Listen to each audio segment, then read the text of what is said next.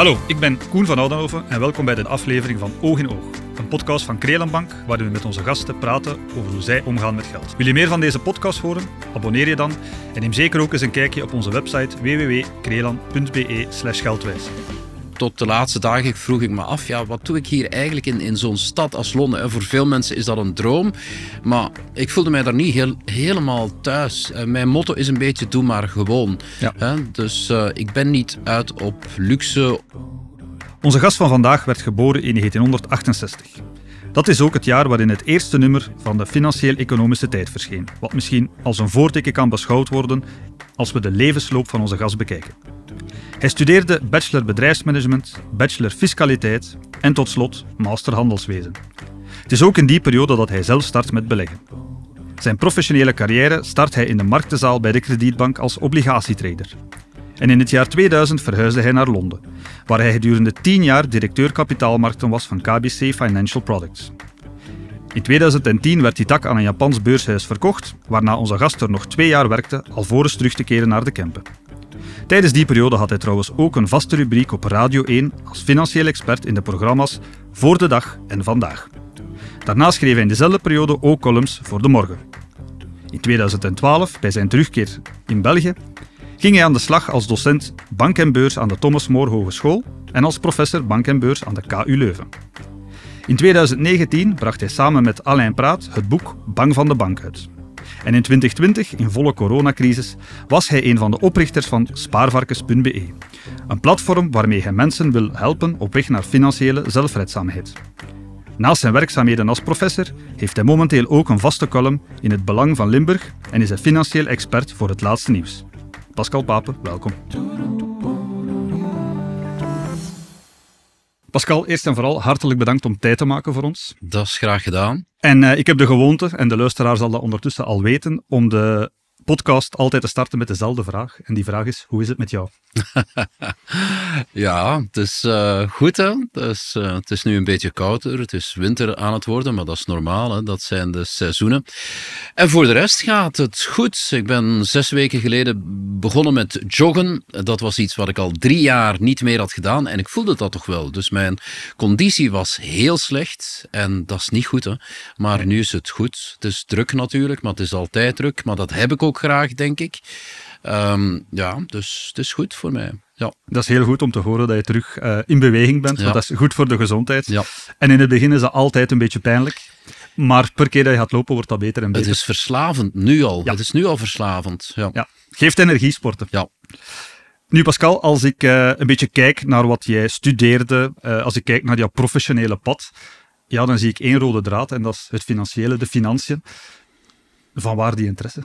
Ik weet het zelf niet hoe dat, dat uh, begonnen is. We hadden thuis geen krant. Wij hadden wel een gratis advertentieblad.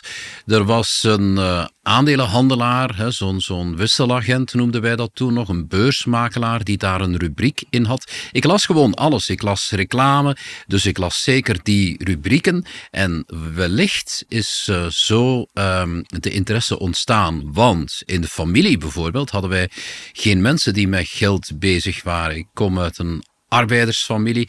We hadden zelfs mhm. geen middenstanders of zo, dus we hadden eigenlijk niet zoveel geld. Maar uh, ik vond dat een heel boeiende wereld. En ik kon me al herinneren uh, toen ik zes was en we deden onze eerste communie. Ja, en dan krijg je wat geld hè, uh, als cadeau. Ja, dan moest je dat naar de bank dragen. En ik vroeg aan mijn moeder, ja, waarom moet ik mijn geld aan iemand anders geven? En ja. toen zei ze, ja, omdat iedereen dat zo doet. En dat was natuurlijk voor mij niet het goede antwoord. Dus ik ging op zoek naar het antwoord. Wat, wat heeft dat geld? Wat, wordt daar, wat gebeurt daarmee? Toen ik de eerste interest kreeg, ik vond dat heel raar. Wat is dat voor iets? Ik heb niks gedaan en toch krijg ik nu een beloning. Ja. Maar goed, als je dat dan een beetje snapt, ja, dan begin je meer te sparen. Hè? Ja. En dan, uh, ja, het is een zo'n boeiende wereld. Ik zal dat boeiend blijven vinden tot op het eind van mijn dagen. Dus eigenlijk was je van jongs af aan al geprikkeld door het financiële. Je zei daarnet, die interest, dat, dat, dat boeide mij. Dus eigenlijk kunnen we stellen, het was, het was al van jongs af aan dat je die interesse had. Ja, op de een of andere manier. Maar ik ben daar wel gelukkig mee. Ik blijf dat boeiend vinden. En uh, ja, ik kijk weinig televisie, maar ik lees wel heel veel over die financiële wereld, wat er gebeurt. En volgens mij draait eh, draaien heel veel van de dingen in de wereld om geld. Of dat je dat nu goed vindt, of slecht vindt, of uh, triestig vindt. Ja, het is gewoon zo. Dus ehm, ja, ik wil daar alles over weten dan. Oké. Ja, zoals ik net zei, ook in je professionele carrière is dat de rode draad. Hè? Je verhuisde uh, er zelfs voor naar Londen. Ehm, toch een grote stad, mogen we zeggen. Hoe was die ervaring voor jou daar? Ja, als je van de boeren buiten naar het platteland, de Kempen was dat, de stille Kempen, naar het drukke Londen gaat, de eerste weken is dat niet zo plezant. Maar pas op, ik had al een beetje voorbereiding gehad. Want uh, voordien werkte ik dus in de marktenzaal van de kredietbank toen nog. Ja. En um, ja, omdat het toen al een beetje moeilijk ging met het spoor, tegenwoordig is het nog erger, um, huurde ik een studio in Brussel, zodat ik niet de stress had iedere ochtend om op mijn werk ja. te geraken. Ja. En dus uh, ja, had ik al zeven jaar in Brussel gewoond. Uh, in het weekend, ja, ik beschouwde dat als mijn kot, zeg maar. Want op vrijdagavond ging ik naar uh, de Kempen en op zondagavond kwam ik weer terug. terug. Maar zo had ik toch al wat ervaring met een stad. En dan is de overgang naar Londen iets minder groot, maar het was toch nog altijd heel groot. Ik vroeg mij in het begin toch af, wat doe ik hier in godsnaam? Wat doe ik? Hè? Ik ben eigenlijk iemand van, van een klein landje en van het platteland dan nog. Wat doe ik hier in de grootstad? En dan na verloop van tijd was de bedoeling dat ik er drie jaar ging zijn. Het zijn dan twaalf jaar geworden. Ik deed dat liever en liever. Dus ik wou nog wel iets anders doen. Dus ik moest daar weg, want anders zou ik er nooit meer weggaan. Ja. Ik vond het zo prettig. Ik ben zelfs nog een paar dagen geleden met mijn studenten voor de eerste keer na corona um, naar Londen geweest. En ik, uh, ja, die stad blijft mij ook aantrekken. Dus ik hou van alles, van de stilte van het platteland, maar ook van de drukte van de grootstad. Ja. Uh, heb je in die periode ervaringen opgedaan die je de rest van je leven meeneemt? Ja, natuurlijk. Ehm, in Londen gebeurt heel veel, hè, financieel vlak. Uh, in België ook natuurlijk, in Brussel ook. Maar dat is toch minimaal als je vergelijkt ja, wat allemaal in Londen gebeurt. Dus daar heb je nog iets beter zicht op al die financiële transacties. Daar ontmoet je ook mensen ja, uh, van alle internationaliteiten, van alle nationaliteiten, sorry. Het is een heel internationale stad. Uh, dus je leert daar de wereld kennen. En je leert daar heel veel mensen kennen. En uh, als je van een platteland komt, ja, dan heb je toch een beetje een uh, onder de toren mentaliteit. Ja. Maar als je naar Londen gaat, dan zie je uh, ja, hoe heel veel mensen over heel veel zaken anders denken. En je leert bij, hè? je leert dat, dat jouw mening niet altijd de juiste is. Dus ik raad het iedereen aan om eens een tijdje in het buitenland te ja. werken en te wonen. Ja, heb je in die periode, want uiteraard was het ook professioneel een hele ervaring, en heb je veel bijgeleerd? Heb je jezelf als persoon op persoonlijk vlak ook beter leren kennen door die ervaring? Goh, um, ja, um, ja, misschien, maar ik ben toch uh, ja, ik ben saai op dat vlak. Ik ben toch vooral met mijn werk uh, bezig ja. geweest. Ik ging zelfs meestal zaterdag en zondag nog even op kantoor. Ja, maar ik, ik ben eigenlijk, ja, het is iets heel raar. Hè? Het is toch wel een beetje een contradictie. Uh, ik blijf echt waar simpel. Uh, ik hou van simpele dingen, dus ik blijf heel gewoon. Ja. Dus uh, ook tot de laatste dagen vroeg ik me af, ja, wat doe ik hier eigenlijk in, in zo'n stad als Londen? En voor veel mensen is dat een droom, maar ik voelde mij daar niet heel, helemaal thuis. Uh, mijn motto is een beetje doe maar gewoon. Ja. Hè? Dus uh, ik ben niet uit op luxe of op uh, die ervaringen. Ik ben ook zelden naar een concert geweest of zo. Dat was alleen maar ja, wanneer dat die vrienden daar echt op stonden. Ja. Maar dat gebeurde heel zelden. Ik ben wel een aantal keer naar een musical geweest. Dat is fantastisch natuurlijk in Londen. Maar voor de rest, die luxe, dat luxe leventje. Ik woonde hè, tussen het gewone volk, zeg maar, in een uh, wijk in Londen. Het was vlakbij kantoor, het, het, oosten van Londen, waar niemand wou zijn. En dan, ja, na verloop van tijd werd dat toch een heel dure wijk, want dan wou iedereen er zijn. Iedereen, ja. um, dus ja, dat speciale, dat uitzonderlijke, dat heeft me nooit echt aangetrokken. Dus uh, die luxe en zo, die je er natuurlijk ook vindt, dat is toch niks uh, voor mij. Niks voor jou. Oké. Okay. Nu, Pascal, we zijn hier vandaag uiteraard ook om over te praten over hoe jij omgaat met geld. Dat is ook een beetje het concept van de, van de podcast. Uh, heel kort ook voor de luisteraars. Het concept is natuurlijk dat wij aan jou acht vaste dezelfde vragen gaan stellen die we aan elke gast stellen. Om dan eigenlijk eens te luisteren hoe jij omgaat uh, met geld. En het doel van deze podcast is natuurlijk ook om extra awareness te creëren voor het belang van financiële educatie. Want het is heel belangrijk ehm, ja, dat mensen kunnen omgaan met geld. Ehm, dus ja, ik zou voorstellen, laat ons overgaan naar de eerste vraag. En die eerste vraag, uh, die is, ja, hoe heb jij eigenlijk met geld leren omgaan? Heb, heb je dat van iemand geleerd of heb je dat meer zelf gedaan, meer zelf geleerd? Wel, ieder mens is een product van zijn tijd en zijn omgeving. Um, dus mijn ouders zijn geboren in de oorlog. Uh, dus uh, mijn grootouders, ja, die hebben de oorlog meegemaakt. Dan word je vanzelf een beetje spaarzaam, denk ja. ik. Uh, op dat moment, ja, zo fenomenaal veel rijkdom was er eigenlijk nog niet. Alles is relatief natuurlijk. Dus je had mensen die vooral spaarzaam waren. Dan, ik ben geboren in 68, je had de oliecrisis dan in de jaren 70. Je had de economische crisis in de jaren 80. Dus uh, zuinigheid was bij ons een beetje troef. Hè. We moesten het licht uit doen ja. in de kamers waar je niet moest zijn. Ja, nu hebben we dat weer geleerd hè, met die hoge Absoluut. elektriciteitsprijs die we gehad hebben, de hoge gasprijs en zo. Maar toen was dat als gevolg van de oliecrisis en van de economische crisis. Ik herinner mij ook nog, mijn vader zat in de bouw, die is twee keer uh, zijn werk verloren, om, omdat ja, in de jaren tachtig was de interest veel, veel hoger dan vandaag. De inflatie is ook sterk gestegen toen, interest is heel hard gestegen. Bedrijven hadden het fenomenaal moeilijk. Dus sommige mensen die zeggen uh, dat het nu moeilijk is. Ja, maar vergelijk dat eens met de jaren 80. Ja, en dan leer je voorzichtig omspringen met geld. Dus ik ben altijd spaarzaam geweest. Pas op, de Vlaming doorgaans is spaarzaam. Ik vind ja. dat een hele goede zaak. Maar gelukkig, omdat ik iets leerde over geld, ja, heb ik dat spaargeld gelukkig niet altijd op het spaarboekje laten ja. staan. Want dat is natuurlijk iets wat de Vlaming ook doet en dat is wel heel jammer. Ja, en dat brengt ons ja, bij die financiële geletterdheid dat we noemen. Hoe belangrijk is dat eigenlijk?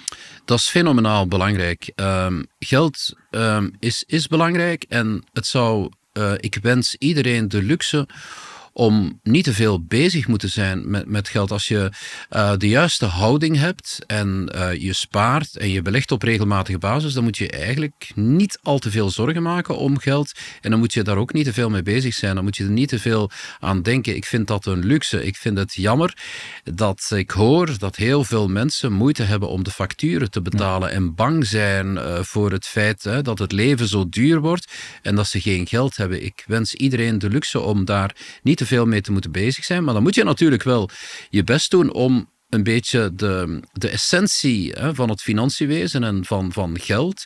Geld is relatief, inflatie eet dat op, dat geld, dat moet je weten. Dus je moet er iets mee doen. Ja. Ofwel in vastgoed investeren, gelukkig doen de meeste mensen dat met een eigen huis. Ofwel beleggen. En ik blijf beleggen tot ik er niet meer ben, want dat is, volgens ja. mij is dat een noodzaak. En het is door te beleggen dat je eigenlijk niet veel met geld moet bezig zijn. Moet bezig zijn. Dat is een heel interessant uh, inzicht. Wanneer verdiende jij voor het eerst geld en wat heb je gedaan met je eerste loon? Goh, ik kreeg zakgeld hè, toen ik uh, misschien 6, 7, 8 jaar was. Dat was 10 frank. Dat was nog een muntstuk van 10 frank. Ik deed de boodschappen voor mijn grootouders. Daar kreeg ik ook 10 frank voor. Um, ik weet dat een jommekesboek, uh, nu moet ik even denken, 20 frank kostte. Dat kwam om de drie maanden uit. En dan ging dat naar 30 frank. Het is zelfs begonnen op 15 frank, geloof ik. Dus dat kocht ik af en toe, meer niet. Dus ik kocht altijd het nieuwe jommekesboek. En dan ging dat van 30 frank, geloof het of niet, in één keer naar 90 frank. Maar dat was omdat het in kleur ging. En toen ben ik gestopt. Ja. toen vond ik dat veel te, te duur, duur, maal ja. drie. Uh, ja, en dan heb ik nog meer gespaard. Uh, natuurlijk. Dus uh, ja, en heb ik. Ja, mijn ouders hadden niet graag. Ik was wel een beetje ondernemend, dus ik wou dan die, die uh, advertentiekrant ronddragen om geld bij te verdienen. Mocht ik niet van mijn ouders. Uh, ik moest studeren en, en met school bezig zijn. Dus ik denk dat ik pas uh, 18 of 19 was toen ik voor het eerste keer vakantiewerk mocht doen in de fabriek. Ja. dat was een boekdrukkerij um, en, en binderij. Die is ondertussen al lang failliet in Turnhout. En ja, ik verdiende daar goed en ik was blij, want uh, ik verdiende goed. En dan hoorde ik dat als je in ploegen werkte, dat je nog meer verdiende, 20 procent. Ja. Dus het jaar erop ging ik natuurlijk in ploegen werken. En dan merkte ik dat als je s'nachts werkte, dat je het dubbele kreeg ja. of zoiets, of 50 procent meer. en dan op 15 augustus was het nog meer. Dus ja, ik zorgde dat ik het komende jaar s'nachts werkte. En ik deed dat heel graag. En ja, je weet, uh, en dan moest je, vond ik een beetje raar, moest je geen belasting opbetalen. Maar dan kon je je veel sparen natuurlijk. Hè. Absoluut, klopt. De derde vraag brengt ons bij de vraag of jij vaak met geldzaken bezig bent. In jouw geval misschien een beetje een overbodige vraag. Ja, maar professioneel wel. Ik geef les. Ik heb vandaag uh, vijf uur les gegeven. Um, ja, dus ook met spaarvarkens. Uh, ja, ik ben daar iedere dag mee bezig. Maar vraag mij nu niet uh, wat de beurs vandaag gedaan heeft. Hmm. Of ja, uh, wat ik verdiend heb met mijn belegging, daar kijk ik uh, nauwelijks naar. Dus ik ben nauwelijks echt, uh, echt waar met mijn eigen geld bezig. Hè. Als er een automatisme is om iedere maand te sparen en te beleggen bijvoorbeeld, dan moet je daar nauwelijks mee bezig zijn. Ja. Dus ik vind het enorm boeiende materie. Ik vind het bijvoorbeeld belangrijker om financieel nieuws te lezen dan wat er voor de rest gebeurt aan nieuws. Ik kijk nooit naar sportnieuws, hè, dat ja. vind ik maar niks. Maar um, uh, ik ben niet met, met mijn eigen centen bezig. Dat is heel raar, omdat ik weet dat is, dat is goed georganiseerd. Dus als je dat zo doet, dan, dan moet je er eigenlijk niet mee bezig zijn. Ik ken mensen die iedere dag ofwel bezorgd zijn ofwel heel blij wanneer de beurs gezakt is of de beurs gestegen is. Ja, ik, vind dat, ik vind dat triestig eigenlijk. He, dus, uh, dus ik laat mijn gemoed daar niet door doen. Dus ik weet niet wat de beurs vandaag gedaan heeft. Dat interesseert me ook niet. Ik weet dat dat belegd is. Dat is voor de lange termijn. En wat er uh, vandaag of morgen gebeurt dat kan me echt niks schelen. Um, en ik denk, volgens mij is dat de juiste houding om naar geld te kijken. Dus uh, je moet eigenlijk zo goed georganiseerd zijn dat je daar weinig van moet aantrekken of dat je daar geen zorgen om moet maken. Financiële ontzorging eigenlijk. Ja. ja. Het is natuurlijk wel opvallend, hè, want je zei het zelf, eh, professioneel ben ik constant bezig met financiën, dus we kunnen misschien ergens stellen dat het een passie is, maar dat je dan privé eigenlijk zo weinig mee bezig bent. Hè? Ja, maar dat kan als je dat, uh, als je dat zo regelt, als je dat praktisch zo regelt. Dus bijvoorbeeld, ik deed dat al van in het begin toen ik werkte naar Koen. Dat was de eerste dag, ja, toen, toen was de interest ook nog redelijk wat op het spaarboekje. Misschien vergelijkbaar een beetje met nu. Hè. Dus uh, de eerste dag dat ik mijn loon kreeg, ik zette ja, een deel daarvan, en dat was een vrij groot deel, zette ik al weg. Hè. Dus ik huurde een studio. Zoveel kostte dat niet. Ik had geen auto. Uh, ik had ook geen kinderen bijvoorbeeld. Of ook geen hypotheek en zo. Dus uh, ja, ik kon, ik kon vrij veel sparen. Dus uh, ja, ik deed dat de eerste dag van de maand.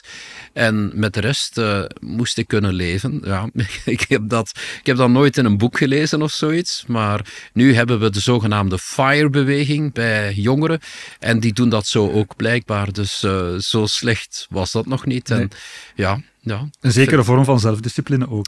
Ja, ja, je moet karakter hebben. Op dat vlak heb ik wel karakter. Um, hè, dus, uh, dus je moet op, op financieel vlak ook een beetje karakter hebben. Sparen is uitgestelde consumptie. En uh, ja, er zijn heel veel mensen die meteen willen consumeren, overconsumeren. Die denken dat ze gelukkig worden als ze heel veel geld uitgeven.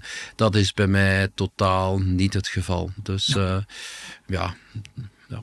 Oké, okay. uh, brengt ons bij vraag 4. Uh, zijn er zaken waar je graag geld aan uitgeeft en dan andere zaken waar je totaal niet graag geld aan uitgeeft? Ja, um, kijk, ik vind uh, wonen heel belangrijk. Hè? Dus um, je moet ergens wonen waar je je goed voelt. ik heb daar jaren naar gezocht, naar een goede woning in België. En heb die dan gevonden. En ik vind dat je daar niet al te zuinig ja. om mag doen. We hebben iets heel luxueus, wat hypotheeklening heet. Ik vind dat nog een prachtig. Ik vind dat echt, dat is het prachtigste geschenk van de banken. Dat we geld kunnen lenen, relatief goedkoop. Ook nu nog. Het is natuurlijk goedkoper geweest, maar ook nu nog is het goedkoop als je het vergelijkt met uh, wat we in het, in het verleden allemaal betaald hebben. Um, en dan kan je dus een huis kopen. En ja, ik weet het, de Vlaming wordt door, woont doorgaans iets te groot. Hè? We zouden iets zuiniger moeten wonen. Maar ik vind, hè, dat is ook misschien Engels. Hè? Bij een Engelsman zegt men dat ook, zijn, zijn huis is een kasteel. Ja. Ik woon niet in een kasteel of zo, voor alle duidelijkheid. Maar ik woon misschien iets te groot. Maar ik vind dat zo machtig, hè, dat ik daar iedere dag gelukkig kan zijn. Dus daar mag je niet te veel op besparen, vind ik. Dan moet je ook dat karakter hebben om die hypotheeklening af te betalen en zo. En, en zo, ja, dat, dat is goed. En voor de rest, ja, gezondheid bijvoorbeeld. Ja. Hè. Dus als je... Uh, ik was onlangs bij de tandarts en dat was best duur, maar daar moet je je niks van aantrekken, want gezondheid is belangrijk. Dus die tanden zijn belangrijk. Hè? Dus als je iets kan doen om je gezondheid te verbeteren of om je lichaam in orde te houden, ja, dan moet je dat doen. Maar voor de rest, ja, aan verre reizen of zoiets. Als ik ga reizen, ik wil liefst zo gewoon mogelijk. Dus niet de duurste hotels, ook niet de duurste restaurants. Hè. Dus uh, liefst nog uh, ter plekke met, met de bus, met, de openbaar, met openbaar vervoer, dan met een taxi of zoiets. Dus het gezelschap is daar heel belangrijk. Maar uh, ja, bij, bij mij hoeft dat niet uh, het duurste te zijn. Ik geniet daar ook niet van. Dus merken zeg ik ook nee. Hè. Merkkledij en zo. Ja, maar als je je daar gelukkig in voelt, dan, dan moet je dat zeker uh, niet laten. Hè. Dus mensen moeten zelf zien wat ze het uh, belangrijkste vinden. Dus voor de rest ja, geef ik niet aan heel um, dure zaken geld uit. Ik vind het wel belangrijk om, om een auto bijvoorbeeld, dat moet geen duur merk zijn, maar dat mag niet de kleinste auto zijn. Waarom? Ja, als je op de autosnelweg, hè, je wil je toch een klein beetje veilig voelen. En als je dan ja, een iets grotere auto hebt, dan is dat toch iets veilig dan wanneer dat je de allerkleinste auto hebt. Dus op dat soort dingen let ik dan een beetje. Maar dat heeft te maken met veiligheid, met gezondheid. Ja. Komen we weer op die gezondheid die je zo belangrijk vindt. En uiteraard, gezondheid is uh, denk ik ons belangrijkste goed boven alles boven. Hè. Ja, je mag nog zo rijk zijn. Als je niet gezond bent, dan ga je er niet lang van kunnen genieten. Nee, absoluut. Hoe ga jij zelf om met, met de druk, de verwachtingen van de publieke opinie als het gaat om je uitgaven? Hè? Want je bent uiteindelijk toch een, uh, we hebben dat ook in de, in de intro gezien, toch een publiek figuur, mogen we zeggen? Ja, maar uh, ik, ik probeer het uh, simpel te houden. Dus uh, ik heb, ja, ik denk dat mijn studenten veel duurdere schoenen hebben dan ik zelf. Dus ik besteed daar weinig aandacht aan, aan kledij of aan uitgaven. Of, ja. En pas op, ik vind dat een luxe. Want een aantal jaar geleden zei ik aan een medestudent waarmee ik op het college zat. Bij ons was dat zo toch niet, dat die jongeren pronkten met die merknamen. En die zei, jawel, dat was bij bij ons ook. Wel, uh, ik heb dat nooit gezien. Dat is totaal dus, ontgaan. Ja, en ik vind dat prachtig. Dus ja. uh, als je vrienden hebt omdat die, omdat die dure dingen doen of dure activiteiten doen, dan zijn dat volgens mij geen echte vrienden. Hè. Dus uh, ik ga nog liever gewoon op café en drink nog liever een pintje. Dan mag dat wel een speciaal pintje ja. zijn. Hè. Dat hoeft geen pils te zijn. Ik drink dan nog liever dan champagne en caviar eten. Um, dus um, nee, het mag uh, zijn. En uh, dat moet niet speciaal zijn. Dus ik ga zeker niet dingen kopen om, uh, om uh, schone schijn, keeping up appearances. Ja. Ehm, dat doe ik niet. niet nee. Oké. Okay. Eh, want ik kan me wel voorstellen. Uh, je bent natuurlijk een financieel expert, hè, dat mogen we toch stellen. Dat mensen toch bepaalde verwachtingen hebben hoe jij omgaat met geld, dat je altijd het juiste doet, bijvoorbeeld. Goh, wat is het juiste? Hè? Nee, dat, dat hangt ervan af van wat mensen willen. De ene wil heel graag, hè, die, die, die is bezig met voeding en die wil graag in sterrenzaken gaan eten en uh, die kan daarvan genieten. Wel, dan moet je dat vooral doen. Dus uh, zoals je heel veel verschillende types van beleggers hebt, heb je ook heel veel verschillende types van, van consumenten. En uh, het is altijd juist volgens mij. Dus je moet doen waar je je goed bij voelt en ja, de een kan heel veel geld uitgeven aan een muziekinstrument of aan iets wat met, met de hobby te maken heeft. En voor de ander is dat dan een andere hobby en die kan dan iets anders plezier uh, beleven. Dus op dat vlak denk ik dat we iedereen vrijheid mogen geven en dat we niet mogen bepalen van zo moet je leven. En dat we regeltjes moeten maken over hoe mensen hun geld moeten uitgeven of zoiets. Ja. Doen waar je gelukkig van wordt. Dus. Voilà. Oké. Okay. Uh, heb jij zelf in het verleden financiële fouten gemaakt en, en heb je daar bepaalde lessen uitgetrokken? Ik heb iets uh, heel doms gedaan toen ik, uh, ik weet niet wat, 16 was of zoiets. toen heb ik een kopiemachine gekocht in, een, in zo'n veilingzaak ja. hè, van een faillissement waarschijnlijk. En een nieuwe machine vond ik te duur, die kostte 30.000 frank. Dus ik heb 17.000 betaald. Maar ja, die werkte een beetje in die, in die toonzaal, maar die werkte uiteindelijk niet. Dus eigenlijk ben ik dat verloren. Ik heb dan een jaar later of zo naar dezelfde zaak die machine weer gebracht en ik kreeg maar een fractie van die prijs. Dus daar heb ik veel geld aan verloren, want 17.000 frank was voor mij op dat moment toch vrij veel. hè? En ehm, ja, je probeert iets goedkoper te kopen en dan denk je dat je een goede deal hebt gedaan, maar goede koop, of, of uh, goedkoop is vaak ook duurkoop. Hè? Dus uh, um, dat, daar moet je toch voor oppassen. Dus bijvoorbeeld, ja, als je een tweedehands auto koopt, pas op, dat kan een goede zijn en als je daar wat garantie op krijgt. Maar dat is toch, ja, uh, pas op, het is interessant om een tweedehands auto te kopen, hè, maar Um, je betaalt dan beter toch iets meer voor kwaliteit dan dat je echt altijd op zoek gaat naar de goedkoopste. Hè? Dus ook ja, met betrekking tot advies. Ik vind advies mag iets kosten als dat goed advies is. Uh, dus het, het, niet alles is gratis. Dus je moet niet op zoek gaan, niet te veel op zoek gaan naar dingen die goedkoop lijken, want dan word je waarschijnlijk bedrogen. Dus alles heeft een bepaalde prijs. En dat is de les die ik op dat moment uh, geleerd heb. Dus iets dat er goed uitziet, daarom werkt dat nog niet. Zeker niet als dat al wat oud is en zo. En, uh, ja. en soms gewoon iets meer durven betalen. Ja om dan een. Uh, dat is ook met, met beleggen zo. Hè. Je denkt misschien, nou, die aandelen zijn heel goedkoop en zo. En, en dan ga je zelf beleggen en dan koop je uiteindelijk allemaal brol. En uh, nee, dat is niet. Uh, kwaliteit heeft zijn prijs. Kwaliteitsbedrijven ook. Dus een professionele fondsbeheerder die goed bezig is, die zal daarop letten. En die gaat niet een aandeel per definitie kopen omdat dat hard gezakt is ja. of zoiets. Dus ook daar moet je kijken naar kwaliteitsbeleggingen. Oké. Je begint zelf al over het beleggen en dat brengt ons naadloos bij de volgende vraag. Uh, heb je ervaring met beleggen? Misschien een beetje een overbodige vraag. Ja, ik ben, ik ben begonnen op 19, dus dat uh, was begin 88. Uh, dat is 35 jaar geleden. En ik zal dat altijd blijven doen. En ik leer nog iedere dag bij. Ja. uh, dus een belegger leest veel. Een goede belegger leest veel. Dus ik lees heel veel. een goede belegger heeft niet altijd gelijk. Hè. De beurs die zakt ook soms. Ik weet ook niet wanneer dat je er moet uitgaan, wanneer dat je er weer moet ingaan. Er is niemand in de wereld die dat weet. Dus ik ben niet op zoek naar een model, want dat bestaat eenvoudigweg niet. Maar uh, ja, uh, ik probeer niet mee te doen met hypes, uh, met, met dingen die iedereen dan koopt en die dan veel te duur zijn. Dat soort van zaken. Dus ehm, ja, ik ben. Je vaart daar... uw eigen koers. Ja, ja, ja, ja. ja. En uh, je leert, hè. je leert heel veel, je kent de basis. Maar de wereld verandert voortdurend, de economie verandert ook voortdurend. Er komen nieuwe dingen bij, nieuwe technologieën en zo. Uh, dus het, het, uh, het staat niet stil en het houdt nooit op. Dus je leert nog altijd bij. En een goed belegger, die begrijpt volgens mij ook de wereld veel beter. Die begrijpt ook veel beter wat er zich afspeelt op geopolitiek vlak, op hmm. politiek vlak. hoe het, ja, waarom dat sommige bedrijven het moeilijk hebben en andere bedrijven heel heel veel geld verdienen. En uh, ja, ik denk ook dat een goede belegger optimistisch in de wereld staat en dat hij het goed vindt dat bedrijven geld verdienen. Als je op café gaat en je zegt, ja, mijn pintje is weer wat duurder geworden, ja, dat is erg. Hè? Dan kan je erover klagen en je kan heel je leven klagen. Of je kan zeggen, kijk, is weer goed, want waarschijnlijk heb ik ook wel die aandelen in mijn portefeuille, hier of daar in een of andere fonds.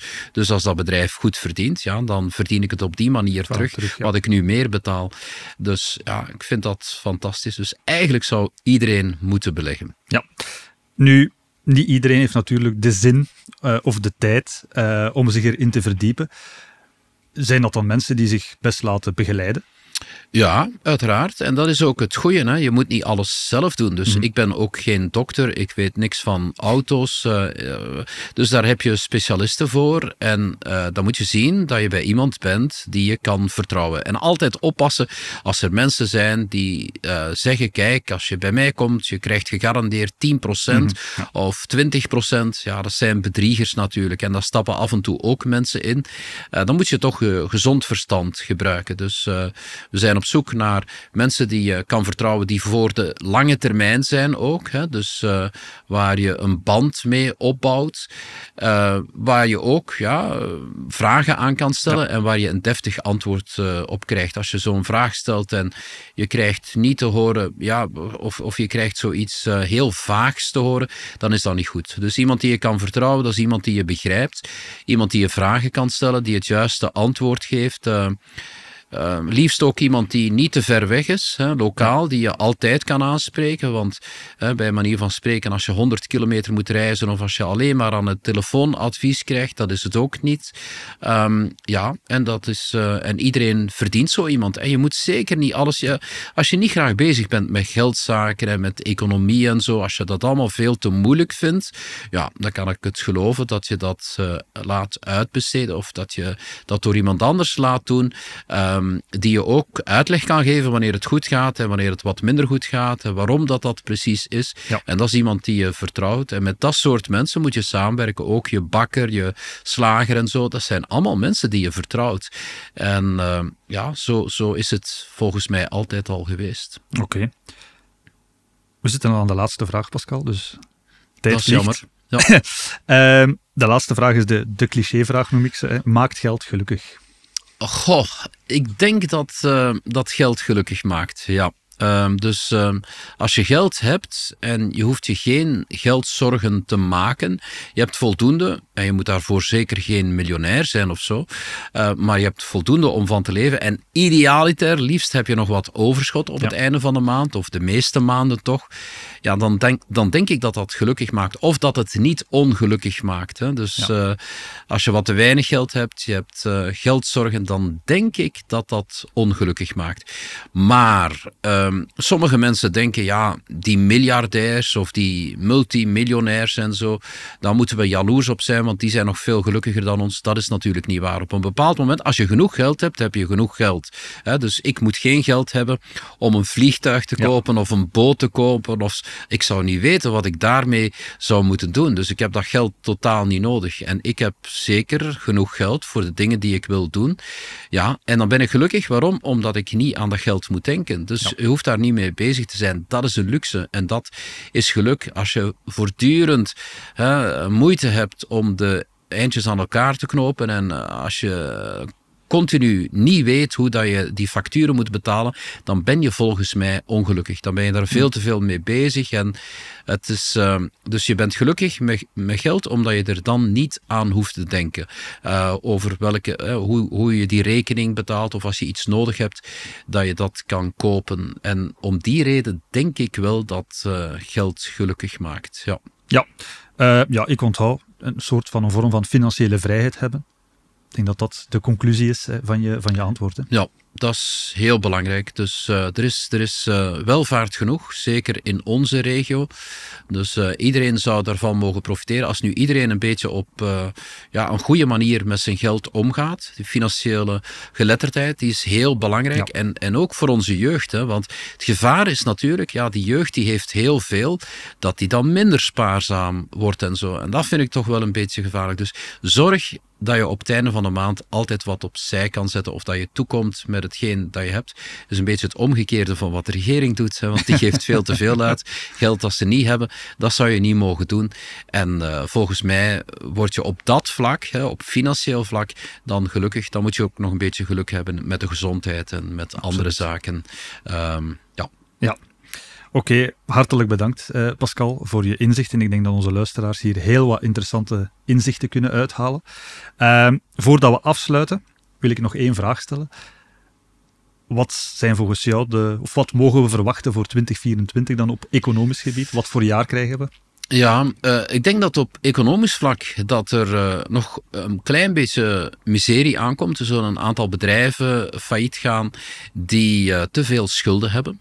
Um, en dat is lang geleden dat dat gebeurd is. Um, dus uh, dat zijn we niet zo gewoon. Dus in de krant gaan we kunnen lezen dat bedrijf gaat saneren. Daar gaan mensen moeten vertrekken. Dat bedrijf gaat failliet.